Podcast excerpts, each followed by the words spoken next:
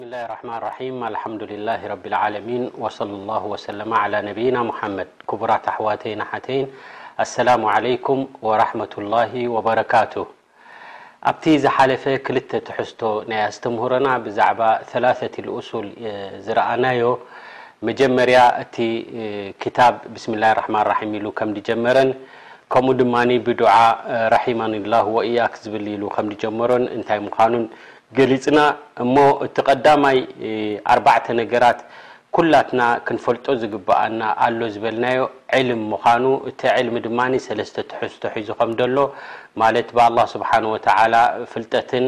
ብነብይና ሙሓመድ ሰለላሁ ዓለይሂ ወሰለም እስልምና ድማ ብመርትዖ ዝተደገፈ ክንፈልጥ ከም ዘለና እዚ እቲ ቀዳማይ ኢልና ከምኡ ድማ ዕልሚ ምስ ተዓለምካን ምስ ፈለጥካን ድማ ዓመል ከም ዘድልዮ ኣብ ተግባር ክውዕል ከም ዘለዎ እውን ርኢና ማለት እዩ። ከምኡ ድማ ነቲ ተግባር ድማ ምስ ኣብ ተግባር መስ ኣውዓልካ ድማ ዳዕዋ ክትገብር ከም ዘለካ ዳዕዋ ዝገብር እውን ማዕረ ክንዲምንታይ ኣጅሪ ከም ዘለዎን ገሊጽና ነይርና ማለት እዩ። እምበኣር ራብዓይ ድማ ኩላ ግዜ ዳዕዋ ዝገብር ጻውዒት ዝገብር ሰብ ኣቪያ ይመጾ እዩ ማለት እዩ። ወሰብሩ ዓለ ልኣዛ ፊሂ ማለት ዳዕዋ ክትገብር እንከለኻ ኣዝያ ስለ ዝመጸካ ጉድኣት ስለ ዝመጸካ እዚ ድማ ካብቶም ዝሓለፉ ነብያት ጀሚርካ ክሳብ የውም ልቅያማ ንኹሉ ኼር ዝሰርሕ ዘበለ ሰብ ተጻባኣይ ኣለዎ ማለት እዩ ከምኡ ተጻባኣይ ስለ ዘሎ ኣብዚ መንገዲ እዚ እናተጓዓዝካ እንከለኻ ሰብሪ ከም ዘድሊ ድማ ናይ ሎሚ ትሕዝቶ ክንርኢና ማለት እዩ። بعد العوة الواجب الرابع ن يتعلم الاعية الذي علم ثم عمل ثم ع نه يجب عليه ن يصبر د ينر تبر لان سنة الله جل وعل في خلقه لم يجعل القبول حاسلا للنبين والمرسلين اذين م ኣፍደሉል ኸልቅ እቶም ብሉጻት ዝበሃሉ ሰባት መን እዮም እንተ ተባሂሎም ረቢ ስብሓነሁ ወተዓላ መራሕቲ ናይ ደቂ ሰባት ክኾኑ ነብያት ኢሉ ዝመረጾም ንሳቶም እዮም እቲ ዝለዓለ ደረጃ ዘለዎም ማለት እዮም ንሳቶም ከይተረፉ እውን ኣብቲ ዝገበርዎ ዳዕዋ ሕራይ ኢሉ ሰብ ብደይ ጉድኣት ዝተቐበሎም የለውን ለም የጅዓል ልቀቡል ለሁም ወኢነማ ዑሪዱ ንሳቶም'ውን ዳዕዋ ክገብሩ እንከለዉ እዚ ኩሉ ተኣምራት ሒዞም እዚ ኩሉ ሙዕጂዛ ኣብ ኢዶም እናተራእየ እንከሎ በቶም ህዝቢ እንታይ ይመጾም ኔሩ ማለት እዩ ብዙሕ ተጻብኦታት ይመጾም ኔሩ ወኡዙ ብዙሕ ውን ተጎዲኦም እዮም ማለት እዮም ተሃስዮም እዮም ወሓሰላ ለሁም ማ ሓሰል ብዙሕ እዚ ክበሃል ዘይከኣል ጉድኣታት ውን ወሪድዎም እዩ ማለት እዩ ኢዘን ፈዳዕያ ያሕታጅ ኢላ ኣን የስቢራ ከማ ሰበረ ልሙርሰሉን ከምቲ እቶም ነብያት ሰብሪ ዝገበርዎ ጻውዒት ክገብሩ እንከለዉ ብዝወረዶም ኣንታ ዳዕዋ ትገብር ድማ ኣብ መንገዲ ሓቂ ዘለኻ ድማ ሕጂ ውን ንስኻ ውን ሰብሪ የድልየካ ኢዩ ማለት ኢዩ በል ኢነ ነብይ ዓለይሂ ሰላቱ ወሰላም ኡሚራ ቢኣን ያሕተዚ ሓዝወ ኣሳቢሪን ኣላሁ ዓዘ ወጀል ንነብይና ሙሓመድ ዓለይሂ ሰላቱ ወሰላም ከይተረፉ ውን በቶም ቀዳሞት ኣብነት ክትወስድ ኣለካ ተባሂሎም ነብይና ሙሓመድ ዓለይሂ ሰላቱ ወሰላም እውን ካብ ረቢ ትእዛዝ ወሪድዎም ማለት እዩ። እንታይ ዝብል ፈስቢር ከማ ሰበረ ኡሉል ዓዝሚ ሚነ ሩሱል ወላ ተስታዕጅል ለሁም እዚ ኣብ ሱረት ላሕቃፍ ማለት እዩ። ልክዕ ከምቶም ዝሓለፉ ኡሉል ዓዝም ብዙሕ ጸገማትን ሽግራትን ዝረኸቡ ሙርሰሊን ከምኣቶም ንስኻ ውን ሰብሪ ግበር ኢኻ ኣይትተሃወኽ ኢኻ ተባሂሎም ኣነቢ ዓለይሂ ሰላቱ ወሰላም ፈሰብሩ ኣሰብሩ ፊ ቓየት ልሙሂማት ሊመን ዓሊመ ፈዓሚለ ፈደዓ እንተ ሓደ ሰብ ፈሊጡ ኣብ ተግባር ኣውዒሉ ዳዕዋ እንተ ጀሚሩ እዚ ክፈልጥ ኣለዎ ሰብሪ ከም ዘድልዮ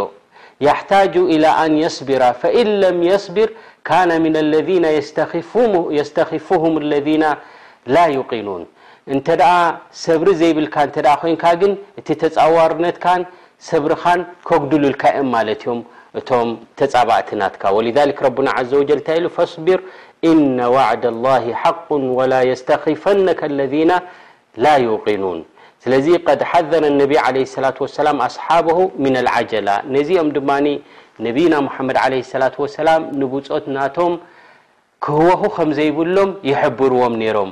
ወላኪነኩም ቀውሙን ተስተዕጅሉን ኢሎሞም ያ ረሱሉላህ ብዙሕ እምበር ጉድኣት ወሪዱና ከምዚ እምበር ኮይንና ምስ በልዎም ወላኪነኩም ቀውሙን ተስታዕጅሉን ኢሎሞም ትህወኹ ኣለኹም ኢሎሞም እንታይ እዩ ዘድሊ ማለት እዩ ኣብ መንገዲ ሓቂ ዘሎ ንመንገዲ ቅንዕና ድጽውዕ ድኾነ ሰብ ናይ ብሓቂ ሰብሪ የድልዮ ማለት እዩ ሰብሪ እንታይ ማለት እዩ እንተ ኢልና ሓብሱ ነፍስ ዓላ ጣዓት ላህ ሰብሪ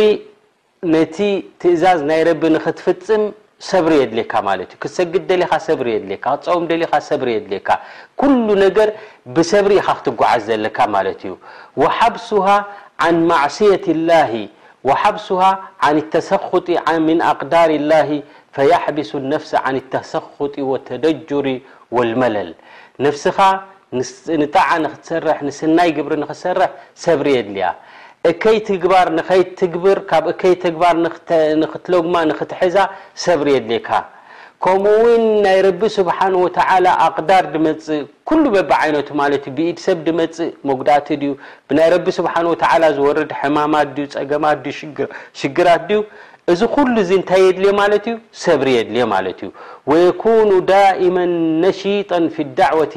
ኢላ ዲን ላህ ኩላ ግዜ እንታይ የድልየካ ማለት እዩ ወላ እኮ እንተተጎዳእካ ወላ እኮ ኣዝያ እንተመጸካ ነሺጥ ክትከውን ኣለካ ብሓቦ ክትጎዓዝ ኣለካ ማለት እዩ ሊኣነ ኣዝየቱ ዳዒን ኢለ ልኸይር ምን ጠቢዓት ልበሸር ናብ ኸይር ዝዕድሙ ንሰናይ ዝዕድሙ ናብ ጽቡቕ ዝዕድሙ ኣዝያ ካብ ደቂ ሰባት ምምጻእ እዚ ዝሓለፈን ዝቕጽልን እዩ ማለት እዩ። ኢላ መን ሃደ ኣላህ ብጀካ ረቢ ስብሓነሁ ወተዓላ ቅንዕና ዝደለየሎም እንተዘይኮይኑ ብዙሓት እንታይ እዮም ዝገብሩ ማለት እዮም ነቶም ጸዋዕቲ ናብ ቅንዕና ዝኾኑ ዝጎድእዎም ብዙሓት እዮም ዘለዉ ማለት እዮም። ወሊዛሊክ ኣላሁ ስብሓነሁ ወተዓላ ቃለ ሊነቢዪሂ ሰለላሁ ዓለይሂ ወሰለም እንታይ ኢልዎም ንረሱል ሰለላሁ ዓለይሂ ወሰለም ወለቐድ ኩዚበት ሩሱሉን ሚን ቀብሊክ ፈሰበሩ ዓላ ማ ኩዝቡ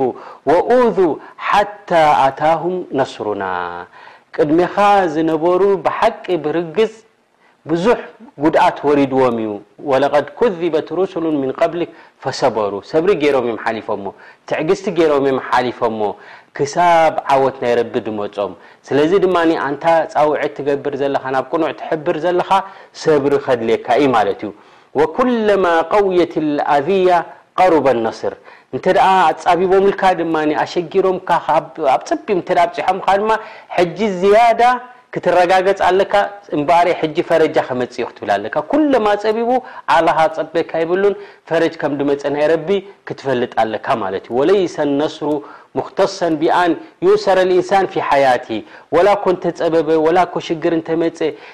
እቲ ኼራት ወላ እኮ እስኻ ተዘይረኣኻዮ ኣብ ሂወትካ ወለ ብድሕሬኻ ውን እቲ ኼር እንተ መጽዩ እዚ ንስኻ ዕዉት ኢኻ ዘለኻ ማለት እዩ ወለው ድሕሪ ሞትካ እንተ ደቂ ሰባት ልቦም ረቢ ስብሓን ወተዓላ ናብ ቅኑዕ መሪሕዎም ናብቲ ንስኻ ትጽውዖም ዝነበርካ እንተ ተመሊሶም እዚ ናትካ ሓደ ዓወት እዩ ማለት እዩ ስለዚ ግድን ኣይኮነን ብዓይንኻ ክትሪኦ እቲ ነስር ናይ ረቢ ንስኻ ግደ ናትካ እንታይ እዩ ምጽዋዕ እዩ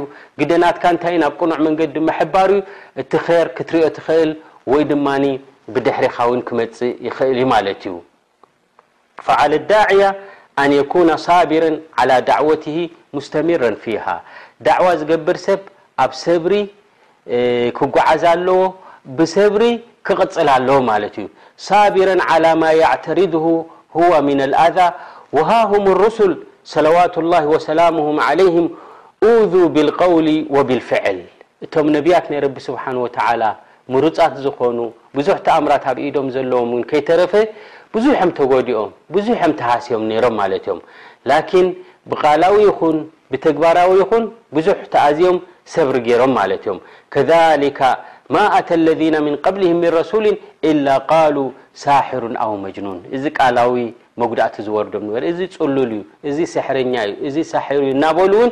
የጸልምዎም ነይሮም ነቶም ናብ ረቢ ስብሓነሁ ወተዓላ ዝጽውዑ ዝነበሩ ከምኡውን ረቢ ስብሓነሁ ወተዓላ ኣብ ሱረት ኣልፍርቃን እንታይ ኢሉ ወከዛሊካ ጀዓልና ሊኩሊ ነቢይን ዓድወን ምነ ልሙጅሪሚን ንዝኾነ ይኹን ነቢይ ብዙሓት ተጻባእቲ ከምኡ ሙጅሪሚን ዝኾኑ ካብ ወሰን ዝሓለፉ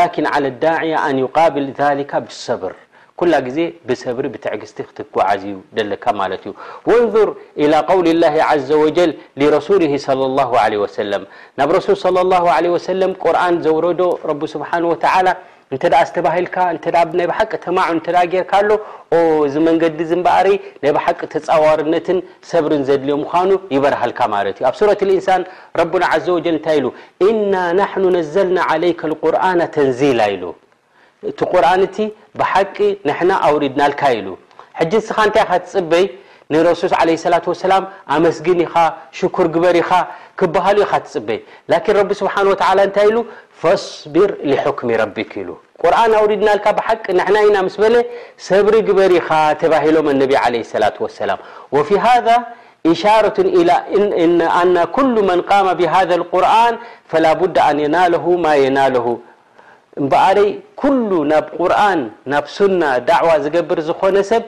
እንታይ ከምድመጾ ጸገማት ከምዝመጾ በዚ ይበርሃልና ማለት እዩ ያሕታጅ ኢለ ሰብር እምበኣረይ ሰብሪ የድልየካ ማለት እዩ ወንዙር ኢላ ሓል ነቢይ ዓለይሂ ሰላቱ ወሰላም ሒነ ደረበሁ ቀውሙሁ ፈኣድሙሁ ወሁወ የምሰሑ ደም ዓን ወጅሂ ኣነቢይ ዓለይሂ ሰላቱ ወሰላም ተሃሪሞም ብህዝቦም ደም ወጺኦም ተፈጊኦም ማለት እዩ ደሞም እንዳ ደረዙ እንታይ ይብሉ ነይሮም ነብይና ሙሓመድ ዓለይሂ ሰላቱ ወሰላም እዚ ኣብ ርዋየት ኣልቡኻሪ ወሙስሊም ደሎ ኣላሁመ ኣግፊር ሊቀውሚ ፈኢነሁም ላ ያዕለሙን እዞም ህዝበይ እዚኦም ዘይፈለጡ ኮይኖም እዮም ሰኣን ፍልጠቶም እዩ እሞ ምሕረትካ ኣውርደሎም ቐፍረሎም ኢኻ ዘንቦም ኢሎም ኣነቢ ዓለይሂ ሰላቱ ወሰላም ድውዓ ገይሮም ማለት እዮም ኢዘን ፈዓለ ዳዕያ ኣን የኩነ ሳቢረን ሙሕተሲባ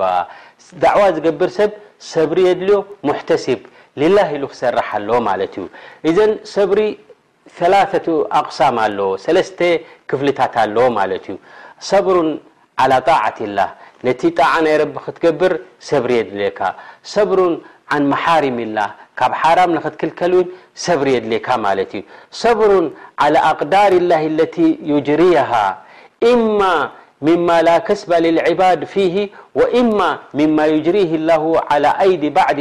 ኣልዕባድ ሚን ኣልኣዝየቲ ወልእዕትዳእ እቲ ዝወርደካ ጸገማትን መዓትን ካብ ረቢ ስብሓነሁ ወተዓላ ዝወሰኖ ድማ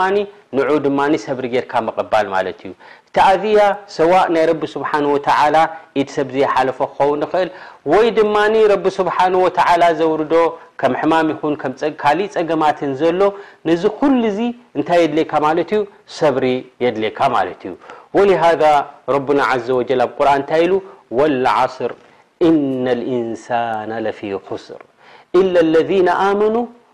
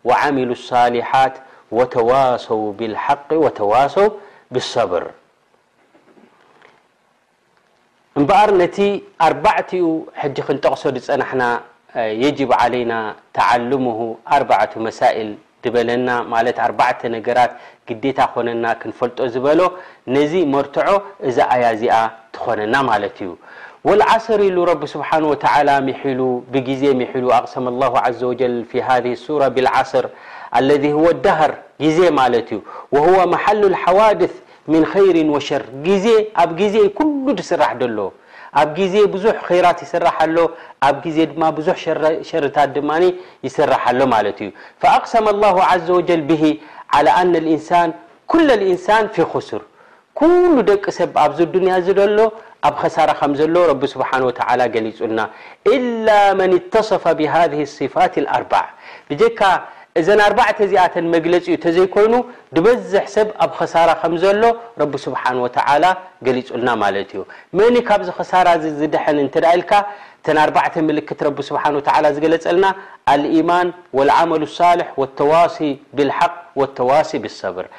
ማለት ብረቢ ስብሓን ወተዓላ ምእማንን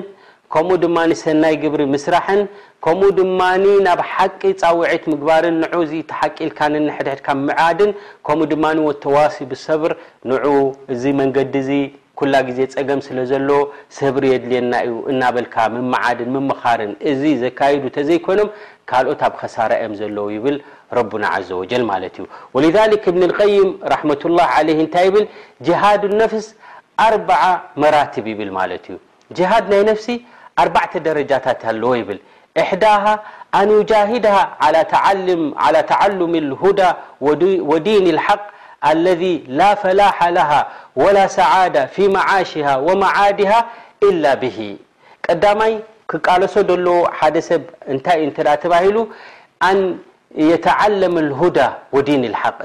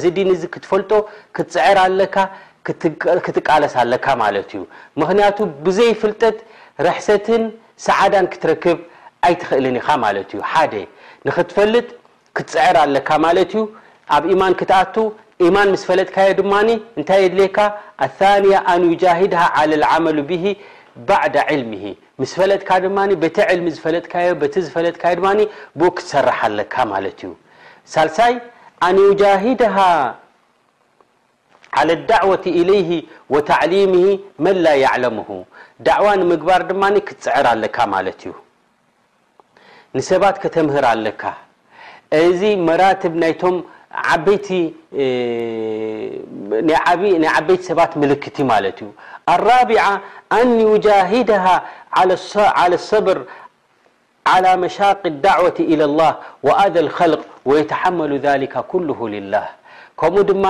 ኣብዚ ዳዕዋ ኣብ ትገብረሉ ድማ ብዙሕ ጸገማትን ብዙሕ ሽግራትን ኣብ ዘጋጥመካ ኣዚያ ናይ መክሉቂን ድማ ሰብሪ ክትገብር ኣለካ ፈኢዘ ስተክመል ሃዚህ ልመራትብ ኣልኣርባዕ ይብል እዘን ኣርባዕተ እዚኣተን እንተ ብሙሉእ እንተ ጨሪስካዮ እንተ በጺሕካዮ ሳራ ሚን ረባንይን ካብቶም ረባንይን በጺሕካ ኣለኻ ማለት እዩ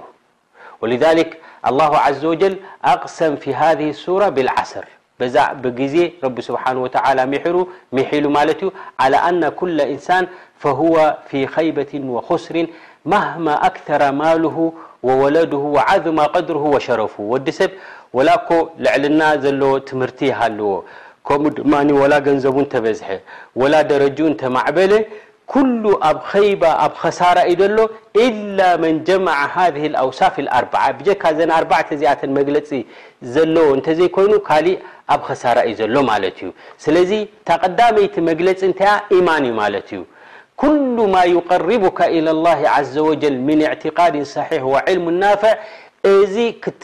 ማለት ክትመሃሮን ክትፈልጦን ብኡ ክትትግብርን እዩ ዘለካ ማለት እዩ። ናብ ረቢ ስብሓን ወተዓላ ዘቀራርበካ፣ ኢማንካ ሰሒሕ ዝገብረልካ፣ ካብ ኢማን ናብ ኩፍሪ ዝመርሕ ንዕኡ ፈሊጥካ ካብኡ ምኽልካል እዚ እቲ ቀዳማይ ቀንዲ ነገር መግለጺኻ ክኸውን ዘለዎ ማለት እዩ። ከምኡ ድማ እቲ ሰናይ ግብርታት ድማ ሰዋእ ቃላዊ ይኹን ተግባራዊ ይኹን ረቢ ሱብሓነሁ ወተዓላ ዝፈትዎን ዝረድዮን ተኸታሊ ናይ ረሱል ኮይንካ ድማ ዓመሉ ሳልሕ ከተብዝሕ ኣለካ ማለት እዩ። ከምኡ እውን ንኸይራት ንኽስራሕ ኸይራት ንኽበዝሕ ድማ ንደቂ ሰባት ፃውዒት ክትገብር ኣለካ ማለት እዩ። ተርጊብ ክትገብር ኣለካ ማለት እዩ። ከምኡ እውን ራብዓይ ኣተዋሲ